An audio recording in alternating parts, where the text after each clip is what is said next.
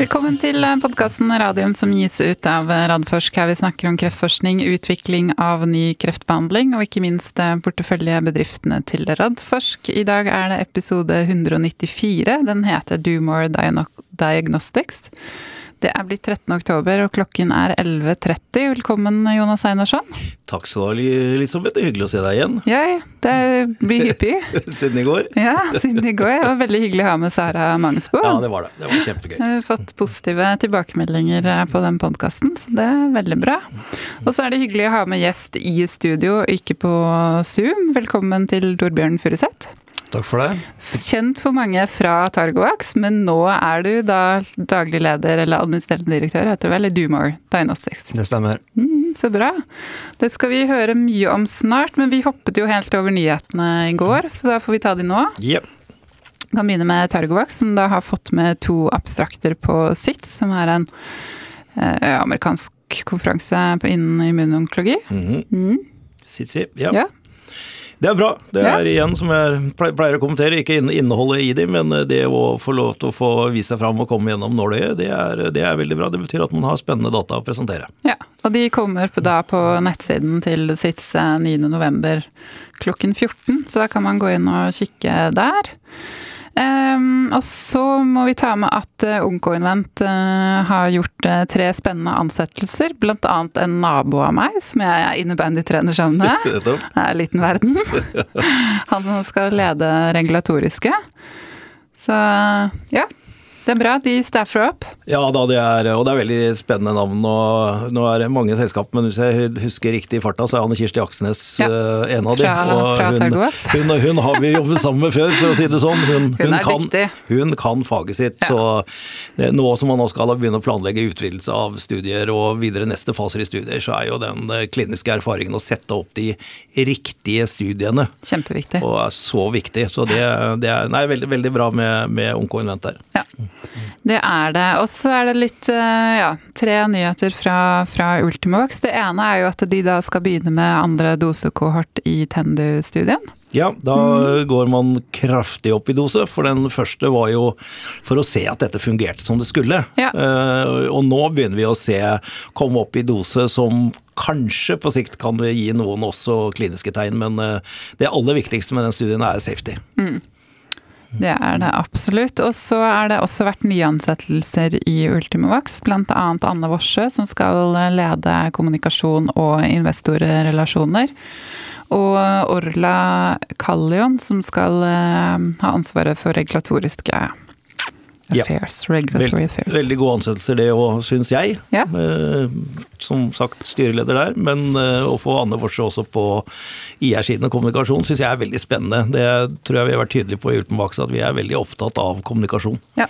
Så det, det, legger vi stor vekt på. Absolutt. Og så har jo eh, det kommet en nyhet i dag morges fra Ultimax data, altså toårsdata fra kombinasjonen Pembro og UV1. Mm -hmm. En toårs overlevelsesdata som er veldig solide når man ser på historisk sammenligning med bare Pembro. Ja, det er det. Og det er, eh, det er 80 uh, som lever etter, uh, etter, to år. Igjen 20 pasienter, men det er ikke så lite antall heller. og det vi nå tror vi ser, og som vi skal prøve å vise i de større studiene, det er at vi har løftet denne såkalte halen. At det har flata ut, og at det er en del flere pasienter som får langtidsvirkning. Og mm. to år overlevelse etter en så alvorlig kreftdiagnose, føflekkreft med spredning. Ja. Jeg jobbet som allmennpraktiker i gamle dager. Da var det svært få som De Det var vel nede på en 20-30 vil jeg mm. tippe, etter, etter to år. Ja. Så det er lovende og spennende data, men ikke hør på meg. Les heller Patrick Lings eh, blodferske oppdatering for ti minutter siden, hvor han hever kursmålet fra 125 til 200. Oi. Det er gøy. Hva er ja, begrunnelsen ja, eh? Begrunnelsen er at han, eh, han, Det er to ting. Det ja. ene er at han eh, øker likelihood of approval mm. for denne indikasjonen. Og så øker han sin prisantydning ja. på det. Jeg har ikke fått finlest den, den kom nei, nei. like før vi gikk i studio. Men det er de to tingene han begrunner med. Og så sier han også at han da ikke har hevet likelihood of approval på noen andre indikasjoner. Eh, Men kun den ene. De, kun den, denne ene. Ja. eh, og at han foreløpig heller ikke har vurdert og lagt inn noen verdi på tettplattformen. Så det ligger jo et potensial her da, for en ytterligere økning. Men dette er, eh, dette er gøy. Ja, hyggelige, hyggelige nyheter for, for selskapet. Eh, ja, det var det vi hadde av nyheter. Da må vi gå over til eh, deg og Dumor, Torbjørn. Kan ikke du først begynne, altså du har vært med oss før, men kan du ikke først begynne med å gi litt sånn bakgrunnen for deg selv, og så gi en eh, introduksjon til selskapet? For det er jo helt nytt for våre lyttere. Ja, det skal jeg gjøre. Jeg kommer jo fra Targovak, som du sa, og var økonomidirektør der. Og har jo også vært økonomidirektør i Lytix Pharma. Men bakgrunnen min er jo at jeg er utdanna lege. Jeg studerte i Trondheim og, og var ganske mye involvert i det innovasjonsmiljøet der. Var på gründerskole. Eh, Jobba med innovasjon også ved siden av studiet. Og også med å starte opp det TTO-et på NTNU. Eh, Men tok jo da turnustjeneste i Molde og, og jobba der i tre år. Var også leder for det medisinske støtteapparatet i Molde fotballklubb. Så litt eh, idrettsmedisin. Og, Men du kan ikke nevne Molde her, for her er det bare Kanari-fans. Nei, ja, vi, vi, må, vi, vi vil ikke ha Bjørn Rune på nakken, så vi, vi, vi tillater det. vi får ikke flagge det der så høyt. det var positivt. Eh, Men hadde jo hele tida en visjon om å være med på en, en viktig innovasjon. Og, og tanken min da etter, etter hvert eh, lege noen år, for å kunne klare det, så måtte jeg komme over i næringslivet. Og, og en god basis der tenkte jeg var McKinsey. Eh, Og søkte der, fikk jobb der, og tenkte jeg skulle ha noen år som konsulent der. Eh, Og det var i seks år. Eh, Men da hadde jeg lyst til å gå over i mer mindre selskap og på en måte være med å drive det framover. Og da gikk jeg over i Aker-systemet, som hadde også noen farmasatsinger på den tida. Mm. Trygg Farma, Aker Biofarma. Og endte opp eh, til slutt også da i Aker eh, Biomarine og var leder for innovasjon der. Eh, Før jeg da gikk ut til eh, Lytix og, og Targovax. Så har på en måte en medisinbakgrunn. eh, Analytiske, strategiske fra McKinsey. Aker-systemet med forretningsutvikling, forhandlinger, bygge nye selskap. Og, og finansieringsbiten da i, i to biotekselskap. Så jeg følte jeg hadde en ganske bred basis, som det var på tide å, å bli, bli CEO i, i, et, i et selskap. Og, og har jo hatt noen tilbud eh, og henvendelser underveis, men eh, det må også være den riktige muligheten. Og nå følte jeg at uh, Doomer Diagnostics det, det er virkelig rette, rette muligheten for meg. Så bra. Mm. Da til eh, selskapet. Det er jo relativt uh, nyetablert selskap. Det er vel ja, ca. et år siden det ble tatt Ja, opp? så Selskapet ble etablert for et år siden rent sånn formelt, men Mm. det begynte jo egentlig ordentlig i mai nå i år, når eh, Norselab og Øyvind Grotmo gikk inn med 15 millioner. Ja. Eh, og Da begynte man på en måte ansettelsesprosess Mm. ordentlig med, og det var så da også jeg ble kontakta. Mm. Eh, Så selskapet bygger jo på omfattende banebrytende forskning og utvikling på, på kunstig intelligens, og det å forstå og kunne tolke biopsibilder mye bedre for kreftpasienter. Eh, også for, så, så det her har jo en veldig stor eh, og viktig rolle innenfor pasientbehandling. Det kan gi mye bedre pasientbehandling, men det vil også være viktig for legemiddelindustrien det å kunne velge ut pasienter, mer like pasienter med mer lik prognose når de skal gjøre studier. Hvis du får to like grupper med ganske like pasienter, blir det mye lettere å å påvise en forskjell på mye kortere tid. Mm. Det er veldig spennende. Jeg mener vi har hatt med oss eh, Håvard Danielsen, altså professor på Institutt for kreftgenetikk for noen år siden, for å snakke om Dumor. Det, Da, den gang da det var et forskningsprosjekt. det tror jeg du har helt rett i. Ja, men nå husker jeg ikke hvilken episode Det er en stund siden. Ja da, det er det. Er og det er klart Det at dette, tre- dette, tre år er- dette er resultater av et eh, femårs eh, stort internasjonalt eh, forskningsprosjekt. Ja, De har hatt mye samarbeid med, Oxford. og Ja. London University College of London. University College Ja. Mm. of London, ja. Mm. Så, så dette har jo, det heter jo Dumor-prosjektet, og hadde mm, veldig god eh, finansiell støtte til selve prosjektet. Jeg husker ikke helt om det var et Eurostar-prosjekt. Mm. Nei, det var eller- fyrtårnsprosjekt via Forskningsrådet. Det var Ja. de tre stykker som ble valgt ut. Ja. Mm. Og, og som du sier, Håvard Danielsen er jo en eh, internasjonalt eh, svært kjent eh, professor, og har jo også publisert mye fra Dumor-prosjektet i svært tunge og prestisjefylte Tidsskrift. tidsskrifter. Ja, Sånn at det, det ligger veldig solid eh, vitenskap eh, bak dette. Så det liker vi.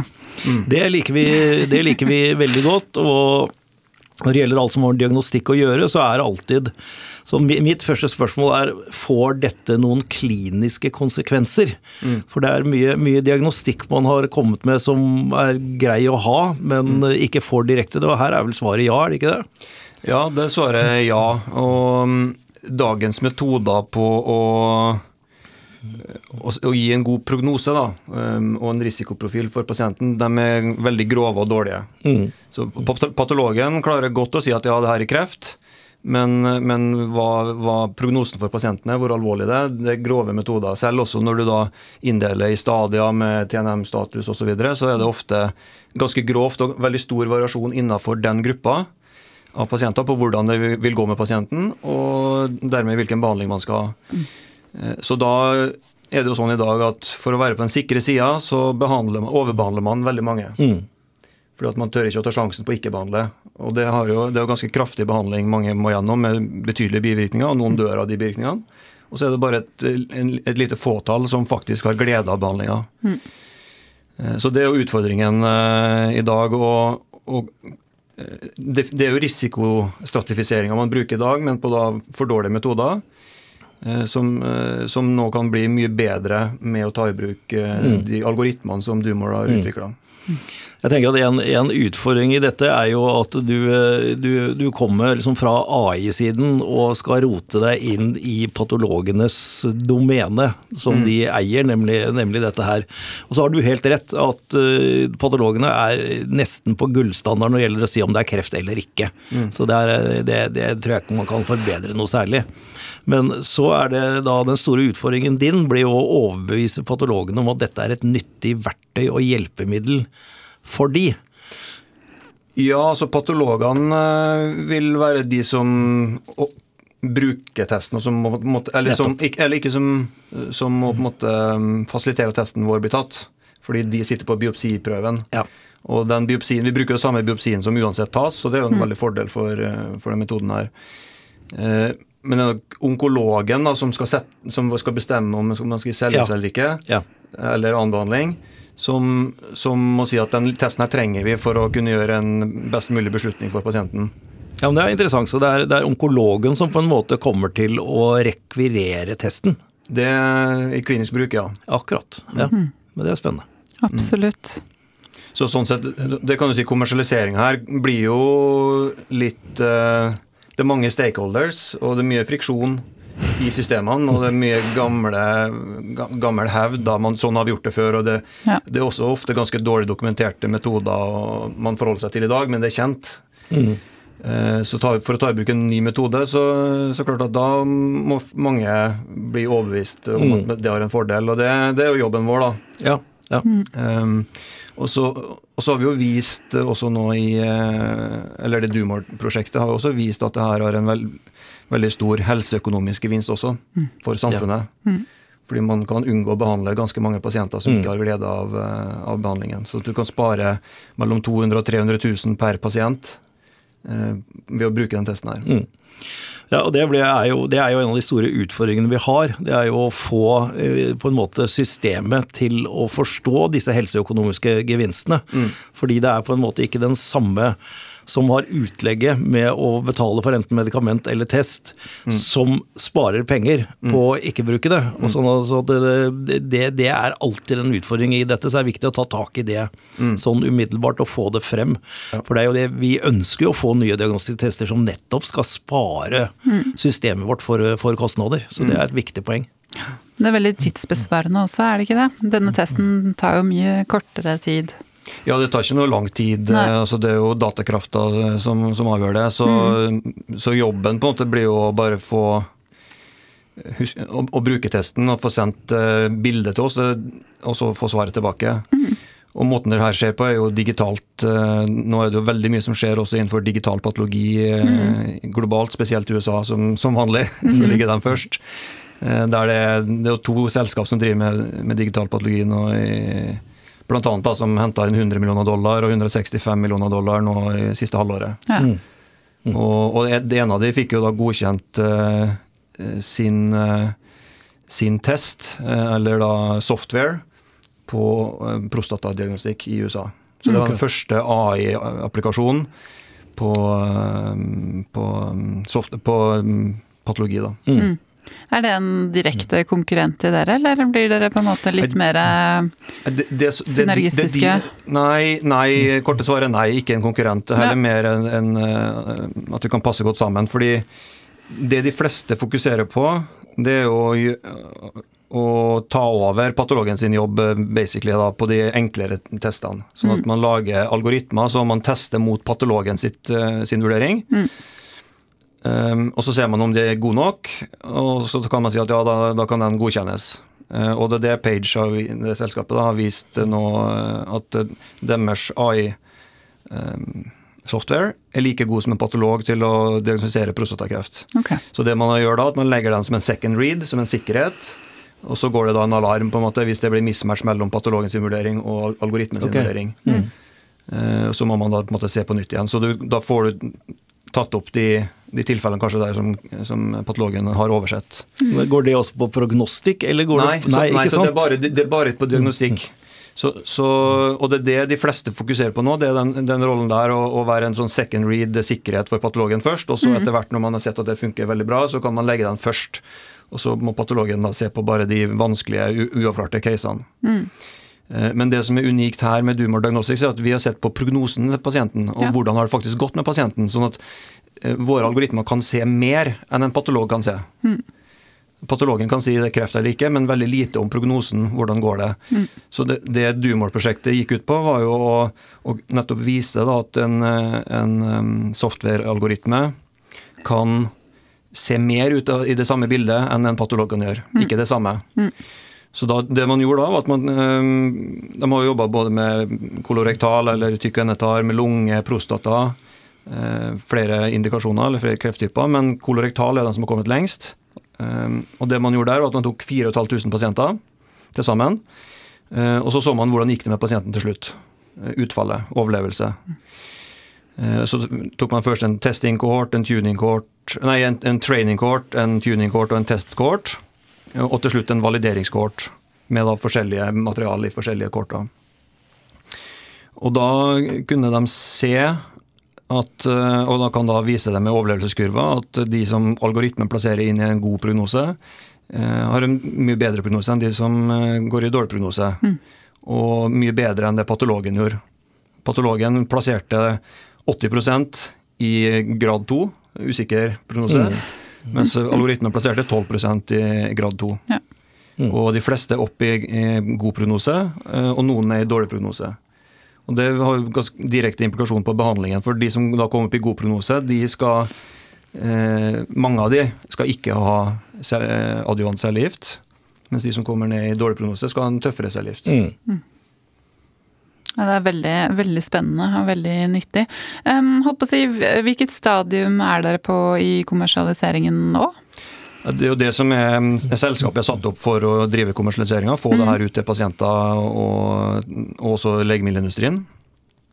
Eh, Så, så jeg starta nå 1.10, 14 dager siden snart.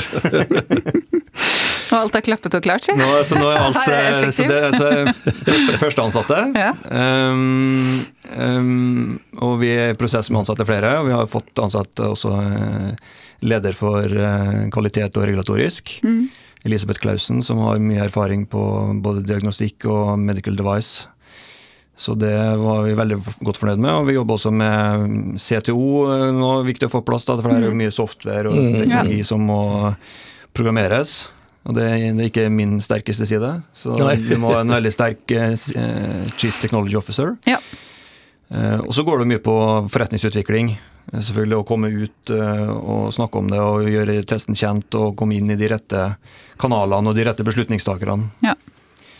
Eh, så Der ønsker vi også å forsterke teamet både med en, en leder for forretningsutvikling og en medisinsk direktør. Ja. Mm. Jeg så det på hjemmesiden at dere gikk eh, freskt ut og bygger et, eh, et ordentlig team rundt, rundt, dette her nå. Ja. Og det, det, må jo til, fordi det er jo dette her er jo den delen jeg kan minst om. Fordi dette er software, og dette er noe som kommer utrolig mye raskere på markedet enn det vi ellers holder på med. Mm. Det så vi jo i, i Oncoimmunity hvor, hvor, kjapt det gikk fra, fra de egentlig kom med, med ideen og hadde de riktige dataene, og til det faktisk ble et produkt. Så mm. det er jo en helt annen, en helt annen reise. Ja.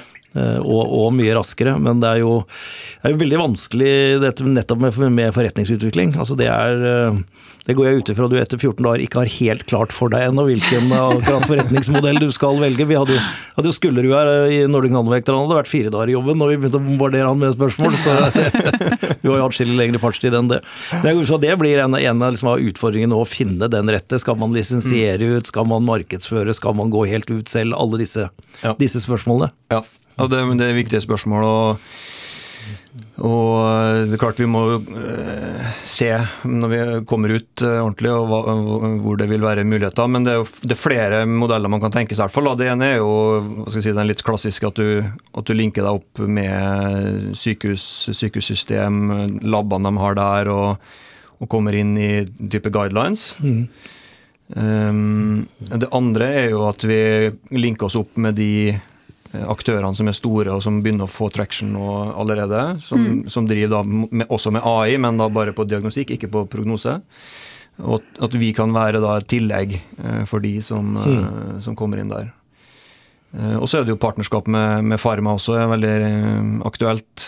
For å ja, kunne velge ut mer like pasientgrupper. Mm framover og forstå prognosen mm. bedre når man setter i gang studier. Mm. Har du en stor variasjon i, i hver gruppe, sant, så blir det vanskelig å påvise ja, ja. forskjeller. Mm.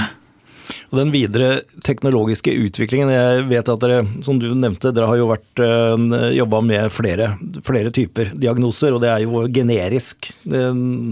selve AI-systemet er, er, generisk. Ja. Uh, og da må jo det utvikles videre også, så da går jeg, går jeg ut ifra at det fortsatt vil være et tett samarbeid med de forskerne som står bak dette mm. i den videre utviklingen. Det er avgjørende for oss å ha et godt, uh, godt samarbeid med, med Dumar-teamet og, og Håvard og alle de som jobber der. og eh, vi har jo nå lisensiert inn eh, fire av de algoritmene pluss patentene som de har tatt, mm -hmm. eller søkt om. Så det, det, på en måte ligger avtalt nå. Og så ønsker vi å være den foretrukne kommersialiseringsarmen til, til Håvard og hans team framover mm. også. Mm.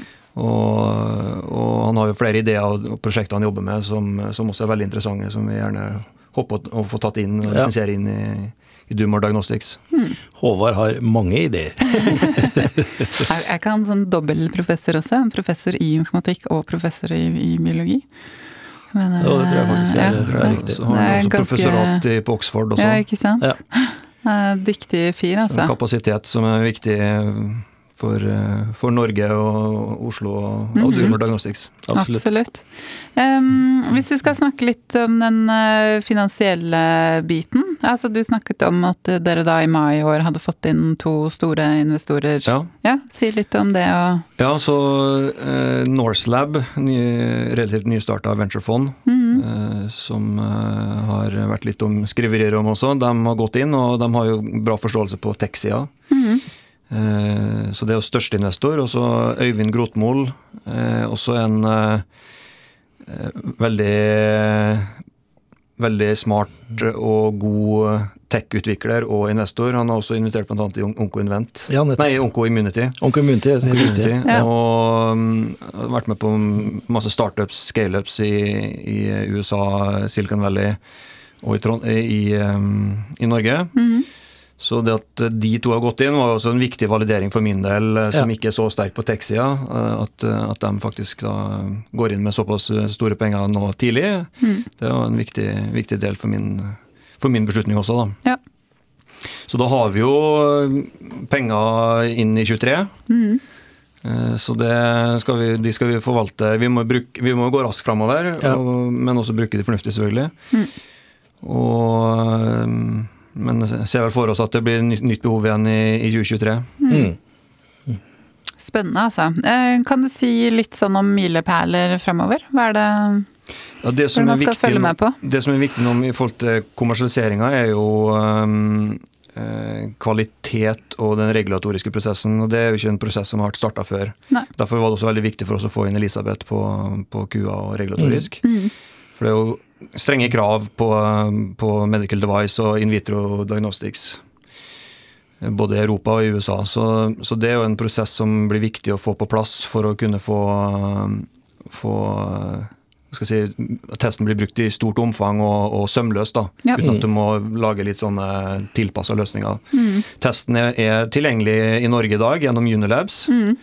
Eh, Så, den, så, så systemet er på en måte satt opp der, men da, da krever det litt sånn involvering av patologer, som, Mm. som vi håper å kunne gjøre mye mer effektivt da, når den er godkjent og selvstående som en egen test. Mm. Ja.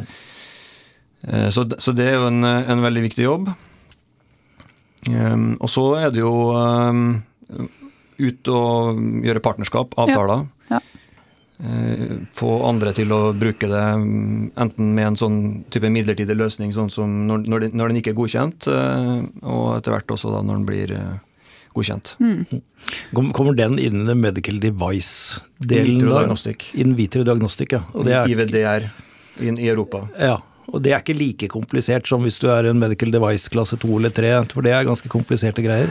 Ja, det har jo litt med om du Hva skal jeg si, hvor nær pasienten du er, og hvor, hvor Ja. store implikasjoner det kan ha hvis det svikter. Eh, Så, så, um, så det er ulike grader der, men, eh, men det vil være en in vitro-diagnostikk. Vi stiller jo veldig strenge kvalitetskrav Ja. på at alt er dokumentert, alt skjer Ja, etter Ja, Selvfølgelig. Ja, ja. Ja det er viktig. Og det ble jo stramma til ganske mye da i de nye som kom i Altså de kom vel først i 2017, men de er jo Implementert i år. implementert nå senest nå i Ja, fjo, i- Nei, jeg tror det er i år, Det er, faktisk. det er fortsatt løpende, ja. Ja, ja. ja. For vi var litt borti det i Onko Invent, for vi vurderte å gå medical device-veien der. Men da blei det så komplisert. Men det er jo mye mer komplisert. og Det var jo pasientbehandling, Ja. sånn Ja. at det er jo en helt annen verden. Men det, det ble så komplisert at det var egentlig enklere å gå i, med, som, som et legemiddel isteden. Ja. ja. Mm. Så bra. Men eh, veldig spennende, altså. Uh, holdt på å si, og dere har sitter jo, eller du i hvert fall, sitter uh, inntil nå i inkubatoren. ja. Ja, du har fått skvisa deg inn. Skvisa Du meg inn, det var heldig, lite plass der. Her er det så fullt. Vi sitter litt sånn tre på hver pult. eh. Ja, ja, ja. Jeg, driver, du, jeg vet ikke, er du på saken, eller, Einarsson? jeg er på saken, og nå skal det bygges. Det er store nyheter i vente. Ja, det er bra. Ja. Må bare få med deg kommunen. Ja, så det er litt Nakstad er sånn. ganske sånn hard ut mot uh, Raymond Johansen også, så du kan jo henge deg på litt sånn eh, kritikk. Ja da, nei da, vi, Nei vi løser dette på en hyggelig måte. Ja, det er veien, veien å gå. Eh, Jeg vet ikke, Er det noe vi ikke har vært innom, eh, Torbjørn, som vi burde tatt med til slutt? Nei, jeg syns vi har vel vært innom det meste som, Mm. er, Ja. som er viktig nå. Vi, eh, det, er jo, det er jo nytt eh, selskap, og, så vi skal bare dure på. Så satser vi på å komme tilbake her med nyheter. Ikke sant? Jeg holdt på å si, du skal vel ut og reise du nå, da? Da må vi ut og misjonere. Du må ut og misjonere, rett og slett. ja. Skulle gjerne vært på en konferanse i USA nå i eh, neste uke, men eh, det kom, kom ikke inn. Nei. Nei. det er... Jeg tror det er fra 1. er november at det åpna opp. Ok. Så etter det så er det mulig. Ja. Nei, det, det er håra bud, men nå virker det i hvert fall som den pandemien har lagt seg enn så lenge, så mm, Satser på at det ikke kommer noen ny mutasjon. Bank i bordet.